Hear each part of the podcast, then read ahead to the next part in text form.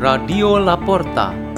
The door is open for you for the growing of knowledge and wisdom of God.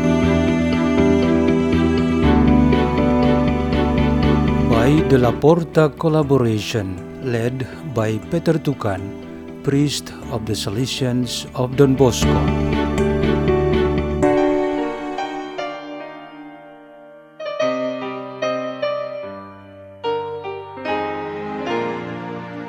Readings and meditation on the Word of God on the first Sunday of Lent, March 6, 2022.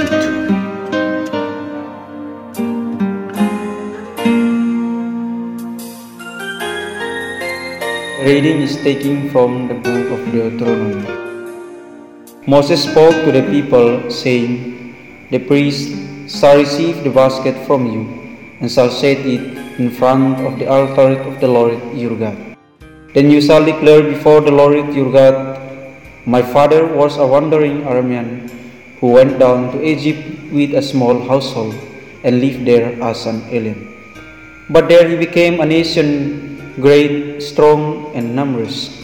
When the Egyptians maltreated and oppressed us, imposing hard labor upon us, we cried to the Lord, the God of our fathers, and he heard our cry, and so our affliction, our toil, and our oppression. He brought us out of Egypt with his strong hand and outstretched arm, with terrifying power, with signs and wonders and bringing us into this country. He gave us this land flowing with milk and honey. Therefore, I have now brought you the first fruits of the products of the soil, which you, O Lord, have given me. And having set them before the Lord your God, you shall bow down in his presence. The word of the Lord.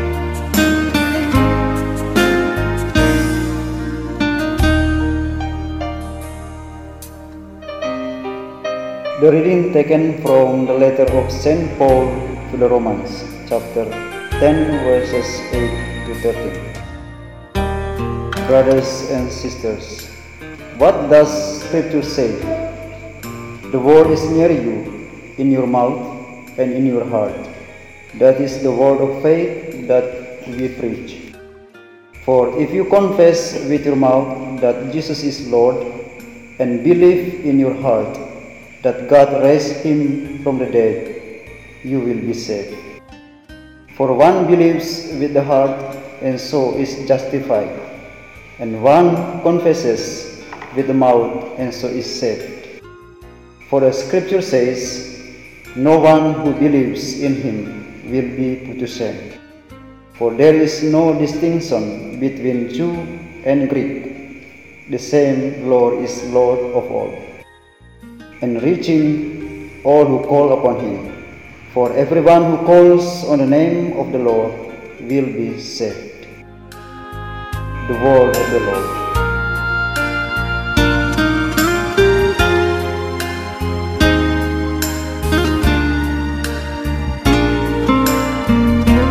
From the Gospel according to Luke chapter 4 verses 1 to 13.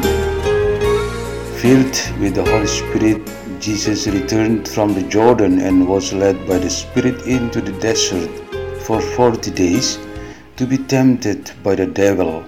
He ate nothing during those days, and when they were over, he was hungry. The devil said to him, If you are the Son of God, command this stone to become bread. Jesus answered him, It is written, One does not live on bread alone. Then he took him up and showed him all the kingdoms of the world in a single instant.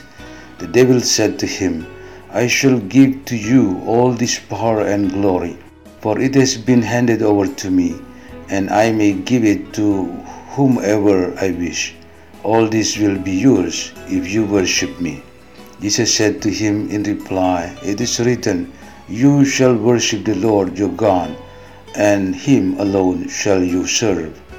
Then he led him to Jerusalem, made him stand on the parapet of the temple, and said to him, If you are the Son of God, throw yourself down from here, for it is written, he will command his angels concerning you to guard you, and with their hands they will support you, lest you dash your foot against a stone. Jesus said to him in reply, It also says, You shall not put the Lord your God to the test. When the devil had finished every temptation, he departed from him for a time. The Gospel of the Lord.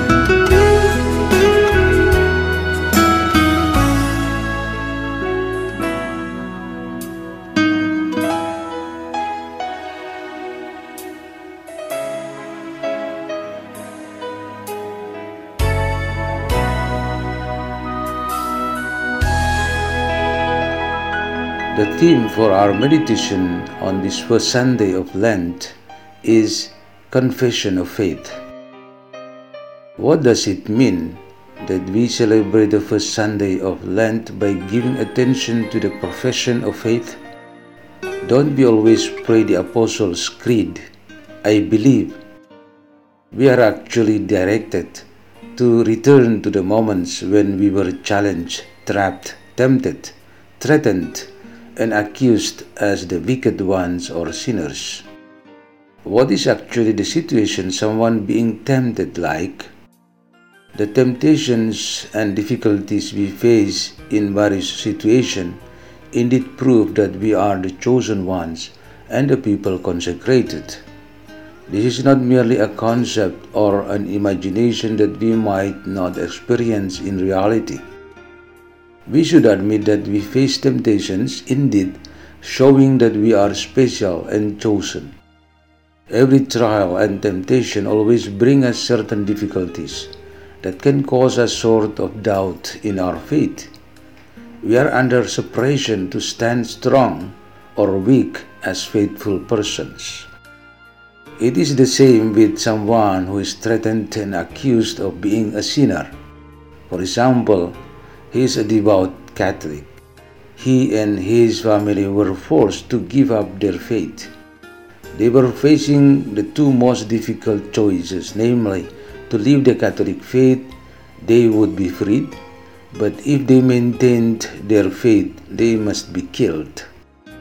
It was possible that he and his family might choose to be released from the threat at the risk to renounce the Catholic faith. Such situation should we see as a real experience already happened in many people in the world. There are so many situations in this world that force us to choose whether to keep following God's will in truth and goodness or to follow Satan's temptations and traps just for the convenience and enjoyment of this world. This is where the message of God's word about the profession of faith really continuously and more firmly demanded from us. In particular, to anyone who currently finds himself in this situation or who has the opportunity to face all kinds of difficult situations, the best advice is to use this profession of faith as a reliable weapon. This is a spiritual help that protects and accompanies us, for this is the power of the Almighty and merciful God whose main duty is to save us. We are given examples today through our three readings. We should follow the profession of faith made by Moses and the Israelites in the past, which was to strengthen their identity as the chosen people and their confession of faith in God as Savior. St. Paul affirms his Christian identity because of his confession of faith in Jesus Christ the only way of salvation. Every kind of life direction, culture, background, ideology, or knowledge recognizes only one Lord Jesus Christ. Even as the Lord Jesus Christ himself faced Satan, who tempted him so strongly and attractively, Jesus' conviction never wavered. He remains the Son of God forever with the Father in heaven. Let's pray. In the name of the Father, and of the Son, and of the Holy Spirit, Amen. Lord Jesus, help us to remain strong and committed in our faith in God. Our Father who art in heaven, Hallowed be thy name. Thy kingdom come, thy will be done on earth as it is in heaven. Give us this day our daily bread and forgive us our trespasses, as we forgive those who trespass against us. And lead us not into temptation, but deliver us from evil. Amen. In the name of the Father, and of the Son, and of the Holy Spirit. Amen. Radio La Porta. The door is open for you.